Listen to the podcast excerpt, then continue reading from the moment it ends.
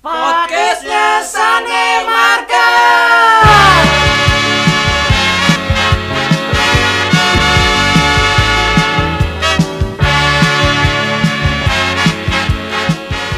Happy Sunday Pizza. Oke, ceritanya heboh. ceritanya heboh. Oke, Kembali akhirnya, lagi ya. Ya, udah 12 episode. Oke, Ini episode ke-12, berarti udah 12 minggu, berarti kurang lebih udah hampir 3 bulan ya. iya udah tiga bulan nggak? Udah 3 bulan. Satu bulan empat minggu. Oh iya betul. Jadi menurut hitungan matematika 12 bagi 4 3. Ah, baru mulai kepalaku sudah berasap.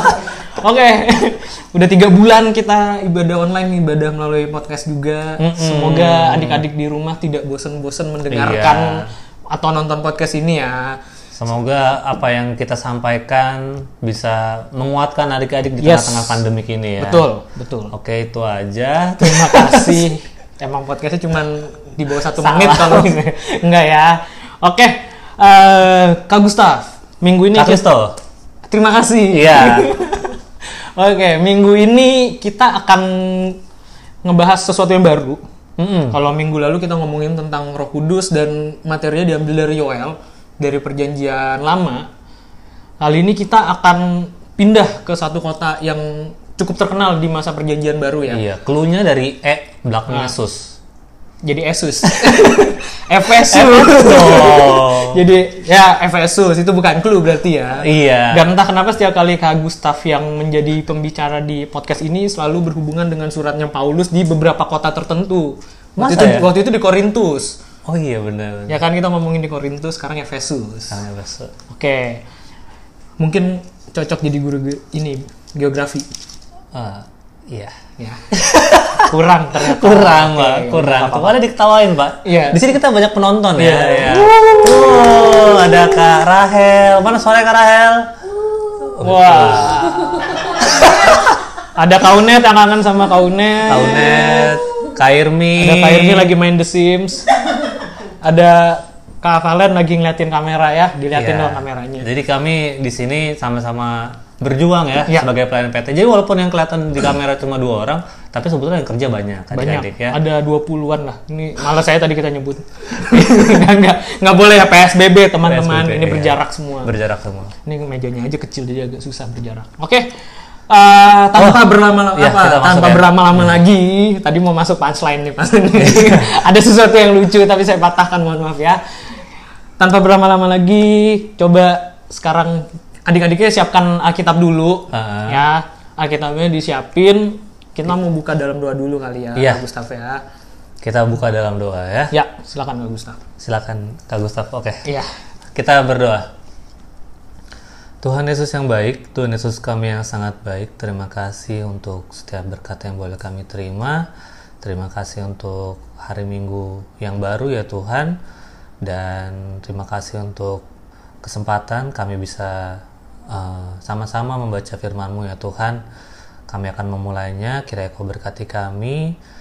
Berbicaralah ya Tuhan kepada kami dan berikanlah kami pengertian agar dapat mengerti dan akhirnya kami melakukan dalam kehidupan kami sehari-hari. Berfirmanlah Tuhan karena kami anak-anakmu telah siap untuk mendengar. Amin. Amin.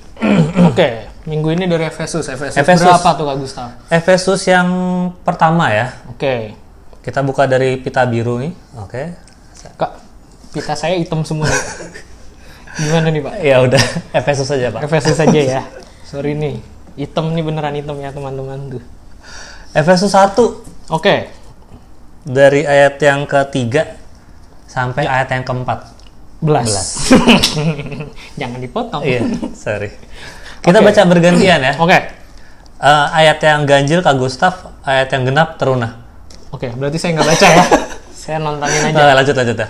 Fokus ya udah, udah Oke. fokus ya. Oke. Dari Efesus 1 ayat 3 sampai 14. Terpujilah Allah dan Bapa Tuhan kita Yesus Kristus yang dalam Kristus telah mengaruniakan kepada kita segala berkat rohani di dalam sorga. Sebab di dalam dia Allah telah memilih kita sebelum dunia dijadikan, supaya kita kudus dan tak bercacat di hadapannya. Dalam kasih, ia telah menentukan kita dari semula oleh Yesus Kristus untuk menjadi anak-anaknya, sesuai dengan kerelaan kehendaknya. supaya terpujilah kasih karunia-Nya yang mulia yang dikaruniakannya kepada kita di dalam Dia yang dikasihinya. Sebab di dalam dia dan oleh darahnya kita beroleh penebusan, yaitu pengampunan dosa menurut kekayaan kasih karunia-Nya. yang dilimpahkannya kepada kita dalam segala hikmat dan pengertian.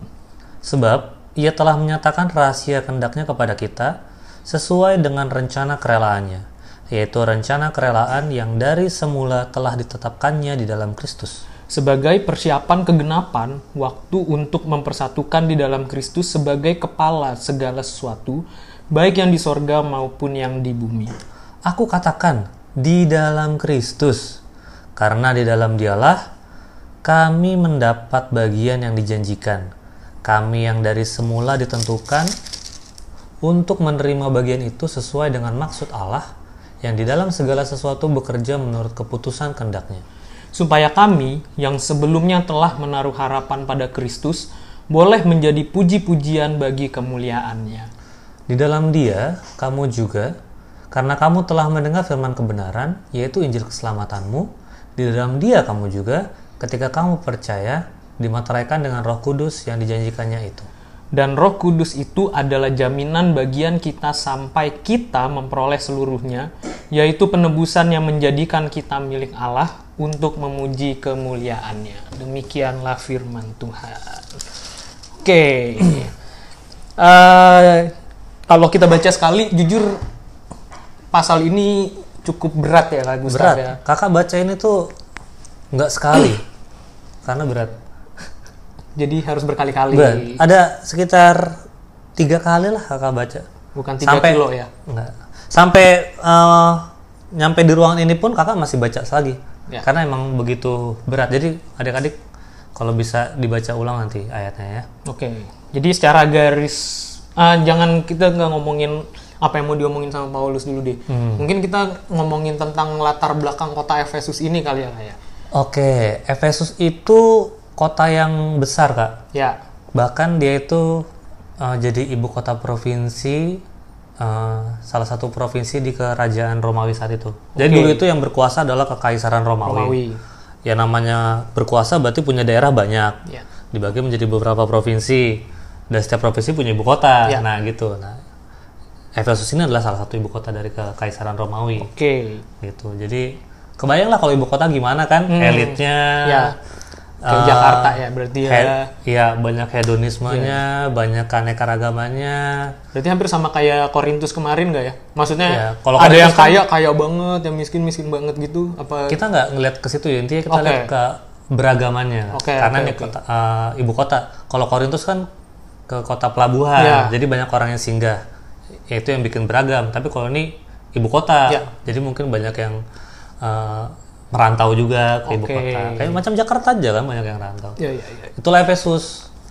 Nah di dalam kota Efesus itu ada tadi aku bilang beragam kan? Iya. Ya berarti ada juga jemaat Tuhan di situ.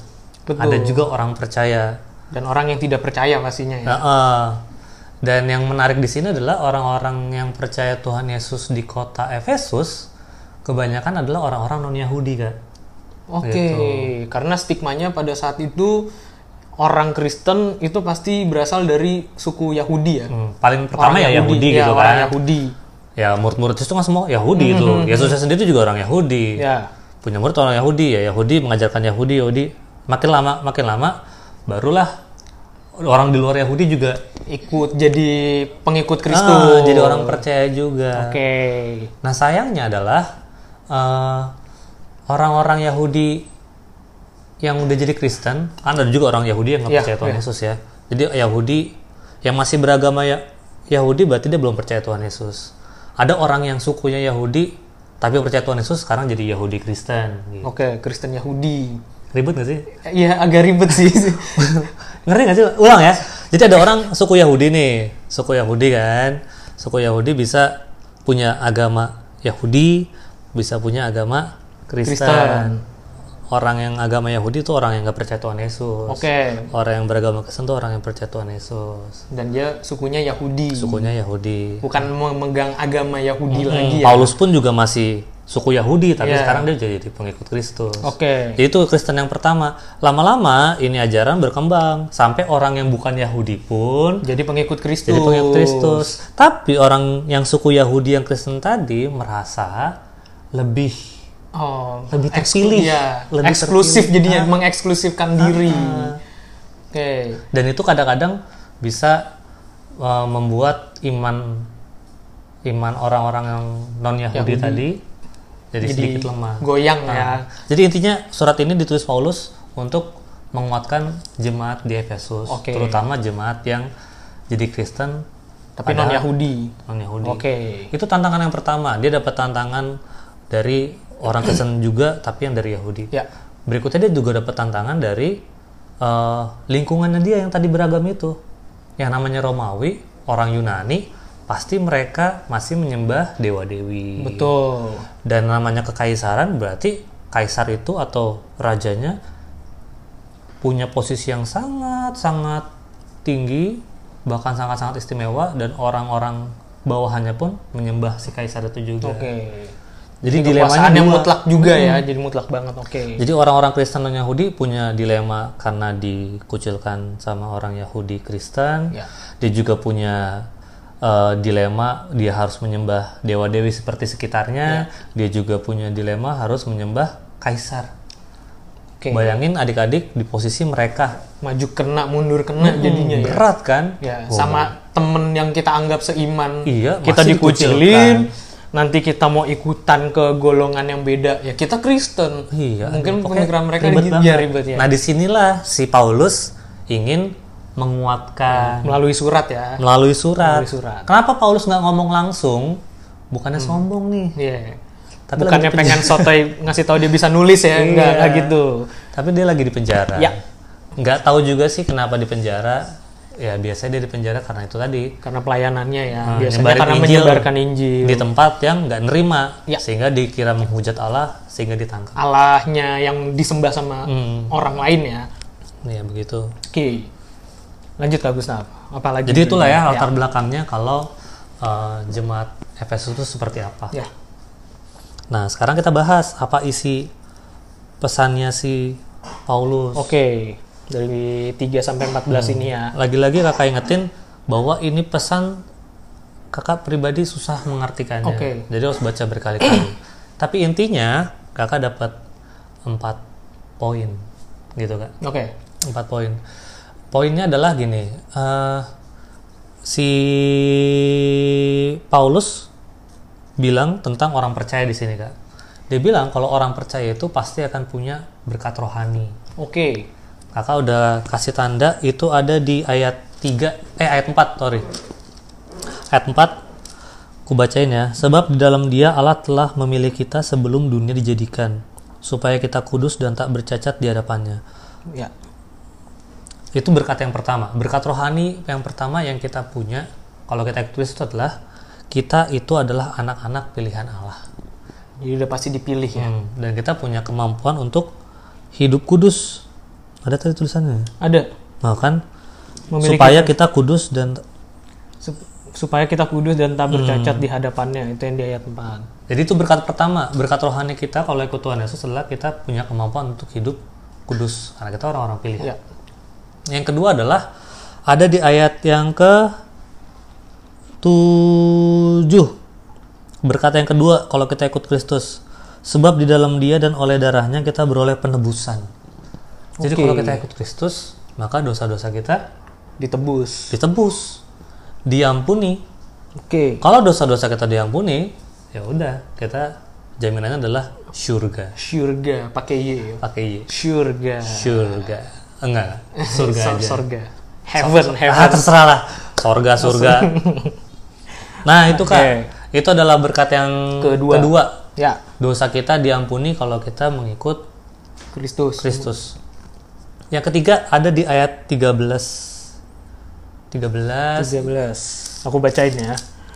Di dalam dia kamu juga karena kamu telah mendengar firman kebenaran yaitu Injil keselamatanmu di dalam dia kamu juga ketika kamu percaya dimateraikan dengan Roh Kudus yang dijanjikannya itu. Kita dapat Roh Kudus. Itu Kita dimateraikan Ah, ah. oleh Roh Kudus. Kalau kita percaya, maka Yesus kasih jaminan, "Oh, kamu percaya ya? Ya udah, sekarang aku kasih kamu Roh Kudus." Ini sebagai materai bahwa kamu benar-benar percaya sama aku. Oke. Gitu. Ya. Itu arti kata dimateraikan. Bukti kalau kita emang Percaya. percaya kepada Tuhan Yesus sehingga kita dapat Roh Kudus. Ya. Itu berkat yang ketiga. Sorry Yes. Kak, ada yang ke-skip yang ayat ke-8. Ayat Coba tolong ke-8. ngebacain Kak. Oke, ayat ke-8 yang dilimpahkannya kepada kita dalam segala hikmat dan pengertian. Lanjut ke ayat 9 Kak. Sebab ia telah menyatakan rahasia kehendaknya kepada kita. Udah sampai situ aja. Yang keempat adalah kita tahu apa kehendak Allah. Kalau kita Oke. orang percaya, kita tahu isi hati Allah. Seharusnya seperti itu. Seharusnya seperti itu. Kak, aku nggak tahu isi hati Allah, aku nggak tahu Allah mau apa, ya berarti kamu belum serius. Atau mungkin dia per- uh, orang-orang seperti itu adalah orang-orang yang percaya akan adanya Tuhan, dia percaya sama Tuhan, tapi tidak melakukan dan mengikuti kehendaknya mungkin. Iya. Karena untuk kita mengetahui apa yang Tuhan mau, apa yang menjadi menjadi kerinduannya Tuhan, otomatis kita juga harus dekat sama Tuhan, kita juga harus melakukan kehendaknya supaya kita tahu apa itu kehendak Tuhan. Iya, begitu. Itu udah berkesinambungan lah pokoknya. Yes. Jadi nggak bisa adik-adik atau Kak Gusta bilang, "Eh, aku orang percaya, tapi ternyata tindakan kita nggak mencerminkan orang percaya, itu nggak bisa. Dan itu sering banget terjadi ya. Kita akan bisa menyatakan, aku ini benar orang percaya melalui tindakan kita sehari-hari. Nggak Bukan melalui ya. mulut Ya. gitu. Kakak bilang, "Eh, aku sayang kamu ke istri kakak gitu. Yeah. Papa sayang mama gitu. Kakak sering bilang, tapi bukan itu yang penting dari istri kakak. Kak- istri kakak nggak penting-penting banget denger itu. Oke. Yang dia paling butuh adalah tindakan kakak sebagai suami gitu kan. Buktinya kalau Buktinya. misalnya itu kan Kak hubungan Gustaf sayang gitu Mm-mm. ya. yang bantuin ngurus anak, bantuin ngurus rumah, Ya. kan seperti itu. Tuh, Tuhan Yesus juga sama, bukan bukan omongan kita yang perlu. Oh, aku orang percaya. Yang- Bukan status kita di sosial media yang muji-muji nama Tuhan seperti itu ya. bukan status di KTP. Oh, Kristen Iya. gitu, Hmm, bukan. Kristen, Pak. Di KTP tulisannya nggak Kristen, pakai i Kristen. Kristen Ya. ya. Kristen. Bukan itu yang penting, tapi Ya. tindakan kita. Ya. Apakah kita seperti orang Kristen? Masih nyambung sama topik minggu lalu juga Tentang berarti. Roh Kudus ya? ya, tentang Roh Kudus. Jadi percuma kita punya berkat Roh Kudus, percuma kita mengaku kita adalah pengikut Kristus, tapi kita tidak melakukan tidak melakukan apa yang Tuhan ajarkan, apa yang Kristus ajarkan. Itu Hmm. sia-sia karena ibadah itu tidak cuma ibadah ritual ya, tapi juga harus ibadah actual. Actual. Oke, seperti itu. Ibadah actual itu ya kehidupan kita sehari-hari dari Hmm. dari tindakan kita, dari omongan kita, dari pikiran kita itu semua harus mencerminkan bahwa kita adalah seorang pengikut Kristus kayak yang tadi Kak Gustaf bilang seperti itu. Nah, ya udah intinya itu ya, Ya. adik-adik. Surat ini em, menguatkan jemaat Efesus Ya, yang notabene non Yahudi, sehingga diingatkan sekali lagi, hei kamu udah tetap aja kokoh imannya, karena kalau kamu punya iman, kalau kamu tetap kokoh sebagai orang percaya, maka kamu akan dapat berkat-berkat rohani. ya. berkat rohani ya. Berkat rohani dulu Ya. gitu kan, berkat rohani. Tadi apa aja? Kak? Banyak. Banyak berkat rohani itu kayak misalnya kita diping- dipilih Kita jadi anak terpilih, ah, jadi orang-orang kita yang punya dipilih sama Tuhan. untuk hidup kudus. Ya, betul. Yang kedua, kita diampuni. Diampuni, terus keselamatan dari Tuhan. Ya, diampuni Melalui- jadi ya. selamat Ya. gitu kan. Kita dapat uh, mengerti kehendak atau kemauan Iya. dari Tuhan. dan kita dapat Roh Kudus yang Ya. akan ngebantu kita untuk menentukan ini sesuai kehendak Tuhan apa enggak sih. Gitu. Yes. Ya betak pulpen temen, ya masa iya itu sesuai kehendak Tuhan. Betul, tidak ada Tuhan yang mengajarkan betak pulpen Ah. gitu. Tidak. Kalau ketika kamu ngambil pulpen temen, aduh kosong tuh, kagak ada yang jaga. Kamu ambil kan, sap. Terus tiba-tiba hati kamu deg-degan, itu Roh Kudus lagi Itu ngomong, Kudus. gitu. Cuman kadang kita menganggap itu sebagai pacuan adrenalin ya. Seringkali kita salah-salah salah berpikir. Eh, ngambil betak. Wah seru nih. oh deg-degan ya, deg-degan. seru banget. ambil aja. itu yang salah. Akhirnya bolpennya di beta. iya, Kayak gitu. Apalagi kalau sebelumnya pulpen kita yang dibetak. Oh balas dendam. Ah, betak, wah pulpen gue hilang nih emosi kan wah ada yang nganggur tuh wah, bahagia Deg-degan banget. dulu. deg-degan dulu Baru pas diambil bahagia. Iya. intinya kalau kamu ada ngerasa salah di hati kamu ngerasa gelisah lah rasa ya gelisah ketika melakukan segala sesuatu, sesuatu. Itu berarti itu roh kudus Itu suara roh kudus. Cuman memang suaranya tidak dalam bentuk tiba-tiba dia ngomong ngebisikin ya. woi Wah, serem itu serem sih. Itu serem sih. Itu pasti kabur. yang masalah tuh gini kak kalau kita ngelakuin salah tapi udah ngedeg-degan itu yang salah itu yang ngeri tuh Itu berarti udah hidup di dalam dosa ya Iya. kalau kalau bahasa Kristen Kristennya. sering salah Iya, keceplosan. Kristen ya teman-teman, bukan Kristen. Kristen itu adalah orang yang hanya mengaku Kristen tapi tidak melakukan itu Kristen. menurut siapa itu Pak? Menurut saya. Oke, menurut saya. Gitu. Jadi jangan sampai manusia jatuh ke dalam dosa itu mungkin wajar. Mm-mm. Itu wajar. Tapi kalau manusia hidup di dalam dosa sehingga dia udah tidak bisa membedakan mana yang baik dan yang salah, itu yang salah. Itu berarti yang juga ya itu yang bahaya dan itu menandakan Roh Kudus yang sudah Tuhan berikan itu juga lama-lama mati. Hmm. Karena kita hidup di dalam dosa. jadi suaranya nggak kedengeran lagi. Yes. makanya kamu udah nggak salah lagi tuh betak pulpen udah nggak ngerasa salah lagi ngebuka video porno udah nggak ngerasa salah salah lagi ngomongin orang itu bahaya Ngatain orang, ngatain orang ngomong kotor marah-marahin orang tua. ngebentak orang tua banting pintu Ih, banyak banget ya.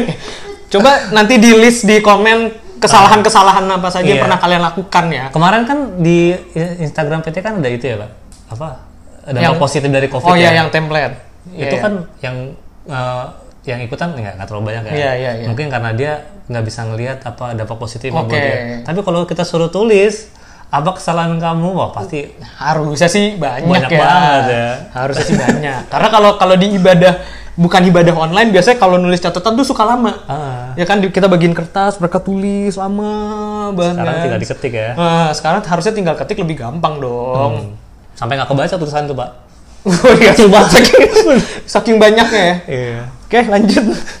jadi Agak intinya berat. gitu ya roh kudus akan memimpin kita eh sorry kalau kita orang percaya kita akan dapat roh kudus Oke, berarti sebenarnya berkat eh, berkat secara rohani atau secara spiritual yang terbesar itu selain keselamatan ya, karena keselamatan itu udah pasti dijanjikan sama Tuhan. Mm-mm. Tapi berkat yang turun secara langsung kepada kita sebagai orang-orang percaya itu adalah Roh Kudus itu, Iya bisa dibilang begitu ya. Hmm. Karena dialah sosok yang menuntun kita ketika Tuhan Yesus udah nggak ada, maksudnya Iya. udah nggak ada tuh nggak ada di dunia ini. Jadi kalau adik-adik ditanya Tuhan Yesus ada di mana? Jawabnya di mana? Di hatimu ya. Ya, nggak gitu ya. Nggak gitu. Jawabnya adalah Tuhan Yesus ada di Surga. Duduk di sebelah kanan Allah Bapa yang Maha Kuasa Ya. dan akan datang dari sana untuk menghakimi orang yang hidup dan yang mati. Yes. Kan udah diucapin Di kalau pengakuan iman rasuli. pengakuan iman rasuli. Yesus ada di surga. Yang di hati kita adalah Roh Roh Kudus. Dia yang akan menuntun kita memilih mana yang benar dan mana yang lebih benar Ya. dan mana yang tidak benar. Wow, agak sama ya. Oke, lanjut. Eh, itulah pokoknya semua itu kak Oke. Eh, materi tentang itu Em, hari ini. Berarti kalau kita ngomongin soal berkat, ketika kita ngomongin seorang Kristen diberkati, itu bukan berarti berkat itu di di apa ya? dibuktikan dengan seberapa kayanya dia secara materi atau secara oh dia pinter nih di sekolah, dia sukses nih eh, misalnya bikin band terkenal. Bukan bukan itu berarti. Bukan. Ber- berkat berkat secara rohani. Jadi kalau Kak Gustaf sih membagi berkat jadi dua ya. Ya ini menurut Kak Gustaf sendiri. Jadi kalau mau percaya boleh, enggak juga nggak apa-apa. Eh, kakak pernah bilang kalau nggak salah. Jadi kalau yang yang pasti benar itu Alkitab ya. Ya. Tapi pelayan firman belum tentu pasti benar. Ya. Jadi tolong disortir juga. Nah kalau kakak ngebagi jadi dua berkat, ada berkat rohani sama berkat jasmani. Oke. Berkat rohani ya tadi udah disebutin tuh. Yang ada ada di empat tadi ya. yang tadi yang eh, tapi kalau berkat jasmani ada banyak materi uang kekayaan yang masuk dalam berkat Jasmani. jasmani tapi nggak cuma itu kak kita bisa ngobrol sekarang nih Oke. kakak tuh bersyukur banget ketemu temen loh serius Selama masa pandemi ini Ah, ya. dalam tiga bulan ini kakak ketemu temen paling eh berapa kali sih Iya. nggak nyampe 10 Karena kan kali nggak mungkin sering-sering. Ah, Ini pun kita bisa ketemu karena ada kebutuhan untuk bikin podcast buat Iya. ibadah kan. dan itu bisa ketemu temen tuh bisa disyukuri Iya. itu berkat jasmani Seharusnya seharusnya bisa disyukuri bisa ya. disyukuri punya masih bisa hidup Masih Keluar- kasih nafas. kasih nafas keluarga masih utuh Ya. misalnya gitu Eh ya banyak banyak kan Banyak banyak banget ya. Mungkin kita kadang menyebut itu sebagai berkat kecil yang suka kita anggap itu sebagai sesuatu yang biasa. Ah, bukan biasa sih. Wajar aja kalau kita rasakan. Kayak kita bisa makan aja tuh sebenarnya berkat. Iya. Bener nggak? Karena di luar sana juga banyak ternyata orang yang nggak bisa makan even cuman makan nasi sama garam let's say kayak gitu bisa makan di tengah covid 19 wah itu berkat loh Iya. banyak banget yang nggak bisa makan banyak yang nggak bisa makan putus mata pencariannya mungkin untuk teman-teman yang mendengar ini atau nonton ini yang udah bekerja mungkin ada yang tidak di PHK gajinya masih tetap utuh sama seperti sebelum pandemi ya itu satu berkat yang emang harus disyukuri. Dan balik lagi itu adalah berkat jasmaninya ya. Berkat jasmani. Jadi ya itu tadi seperti yang kak Geso bilang kekaya nggak nggak nggak tentang kekayaan aja Ya. jadi berkat ya. Banyak yang bisa kita syukuri dalam kehidupan kita gitu. Ya oke. Jadi eh, kesimpulannya ada kak. Oke. Aplikasinya dari kehidupan teruna.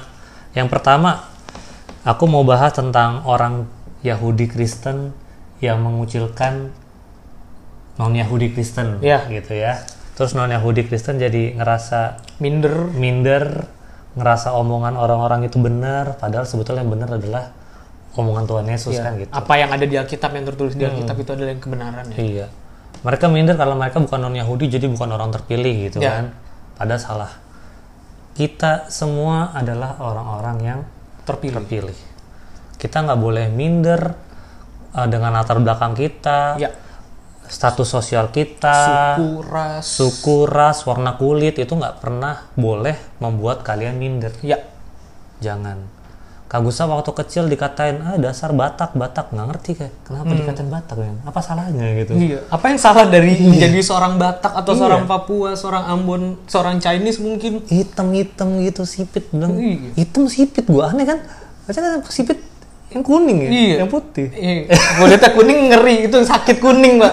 Lever tuh, mesti ngecek kayaknya. intinya banyak banyak banget uh, omongan-omongan yang mungkin kadang menjatuhkan kita Iya, iya. gitu tapi Bahkan sesama Kristen ya, mungkin di gereja juga secara tidak langsung adik-adik teruna atau kita sebagai seorang pelayan kadang suka gitu. iya bully verbal itu ya Nah, bully verbal misalnya ngatain, wah Cina lu apa segala macem itu buat kajor mungkin.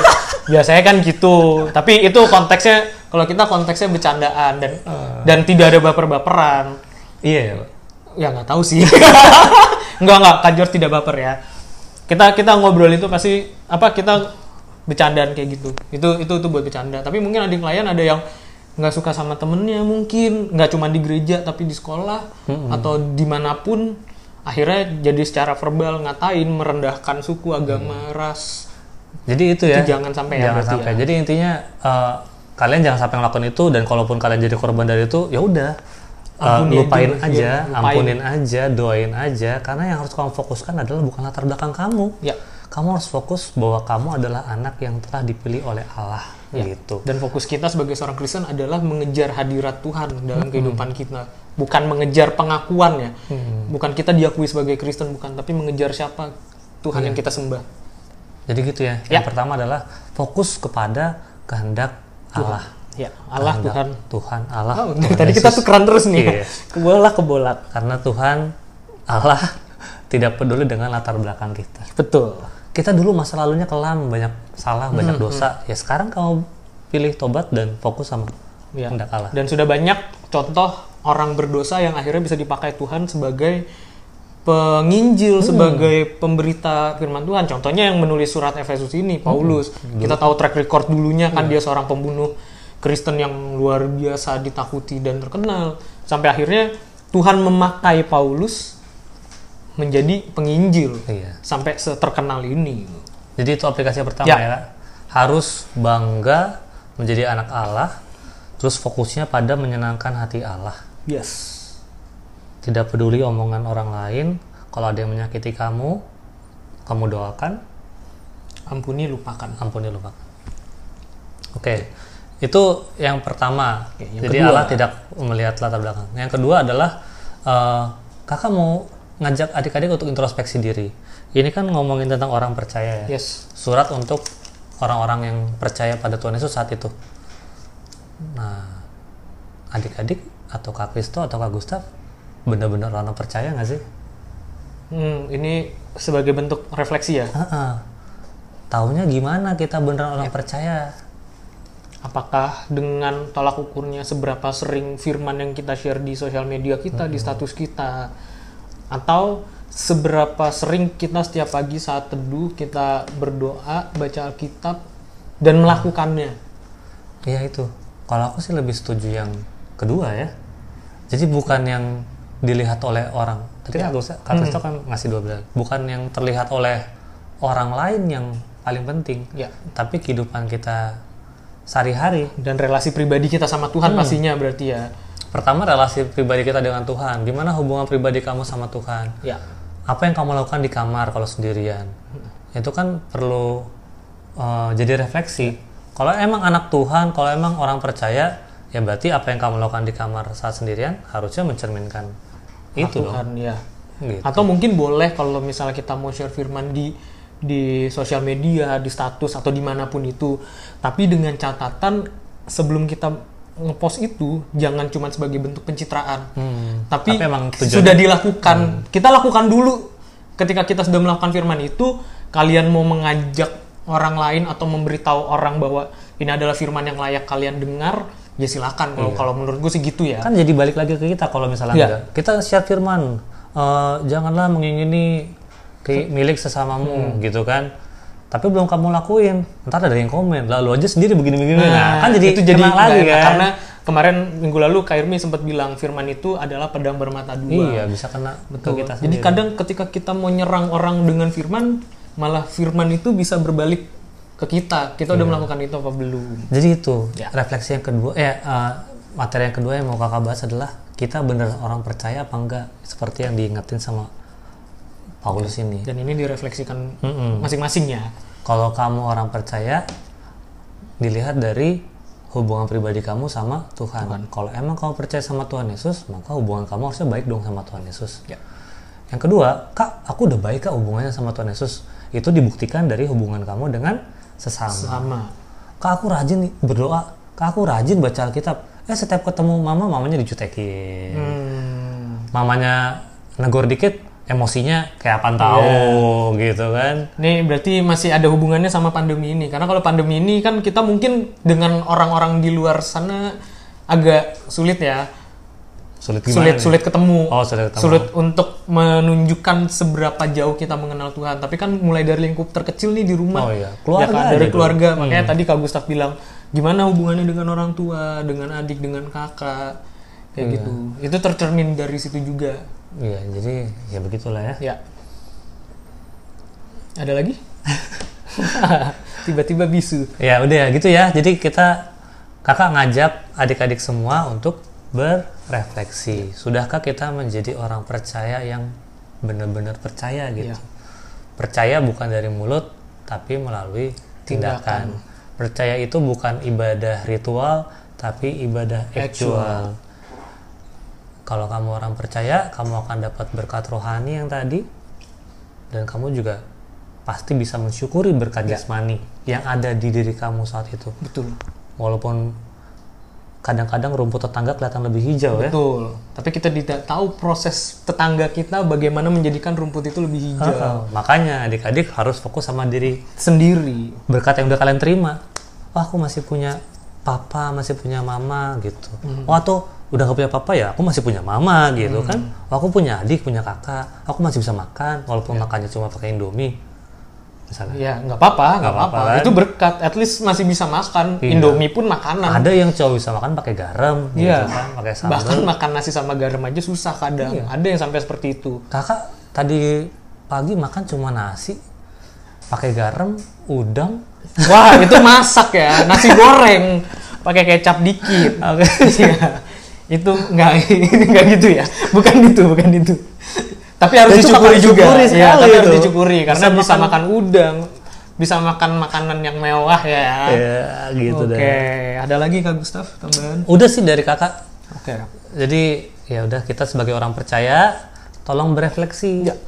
Dan kalau emang kamu udah meyakinkan diri kamu kalau kamu memang orang percaya, eh, ya kuatkanlah iman kamu. Ya. Seperti kata Paulus ini, eh, kuat kamu nanti akan dapat berkat rohani Ya. itu udah dijanjikan Dan sama itu janji Tuhan dan pasti akan tergenapi. Tapi Iya. dengan catatan ya kita harus seturut dan sesuai dengan apa yang Tuhan mau. iya betul sekali Oke.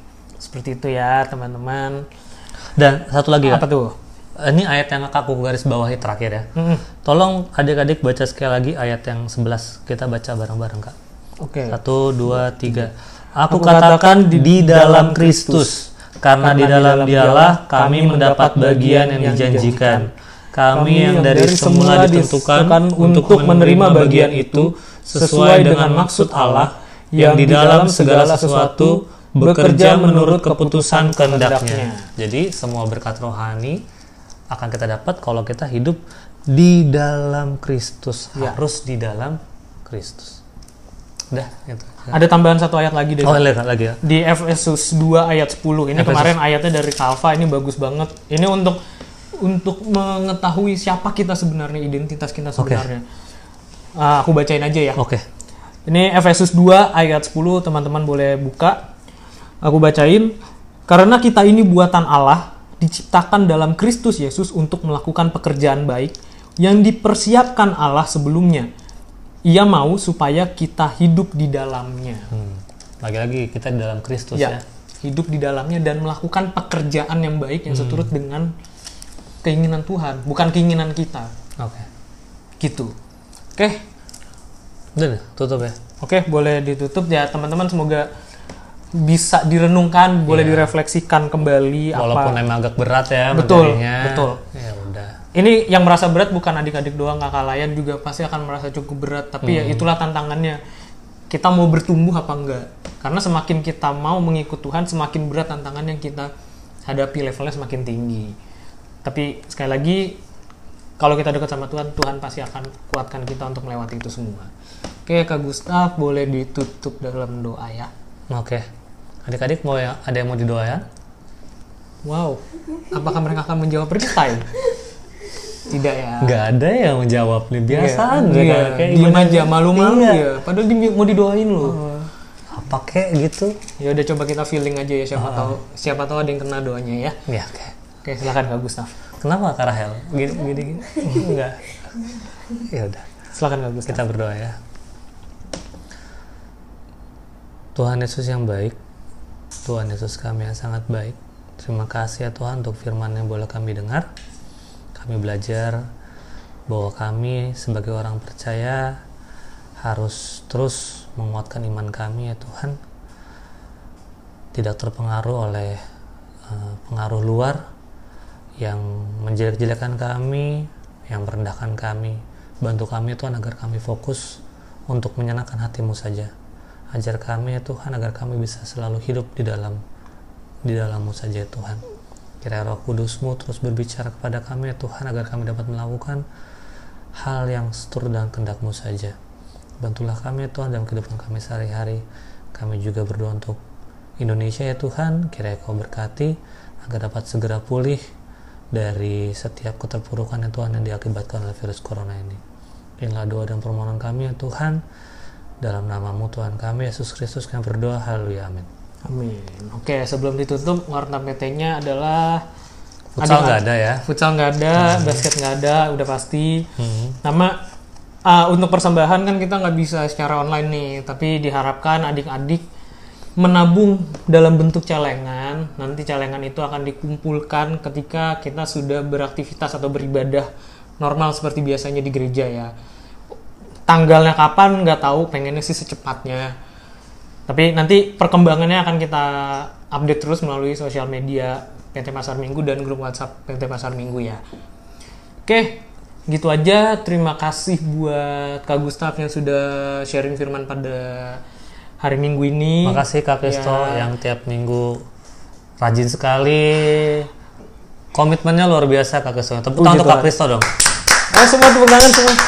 Thank you, thank you. Sama Kak Rahel ya. Sama yang nggak pernah ganti itu Kak Kristo, Kak Rahel. Ya. Enggak, sorry. Kak Kristo pernah nggak? Pernah sekali Pernah ganti. sekali karena ada kerjaan. Karena ada kerjaan. Yang nggak pernah diganti sama sekali itu Kak Rahel. Kak Rahel. Luar biasa. Tepuk tangan untuk mereka berdua. Tepuk tangan buat Tuhan Yesus dong. Karena kita dimampukan karena Tuhan. Biar rohani. Terlanjur Pak. Oke, oke.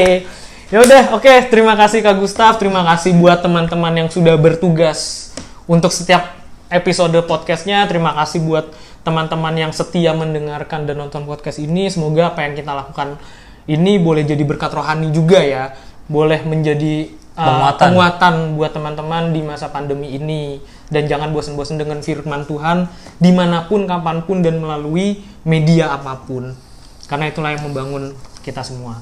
Oke, akhir kata aku Kaito. Dia siapa? Eh, Papa Jovian. Papa Jovian, kami berdua pamit happy Sunday and God bless you all.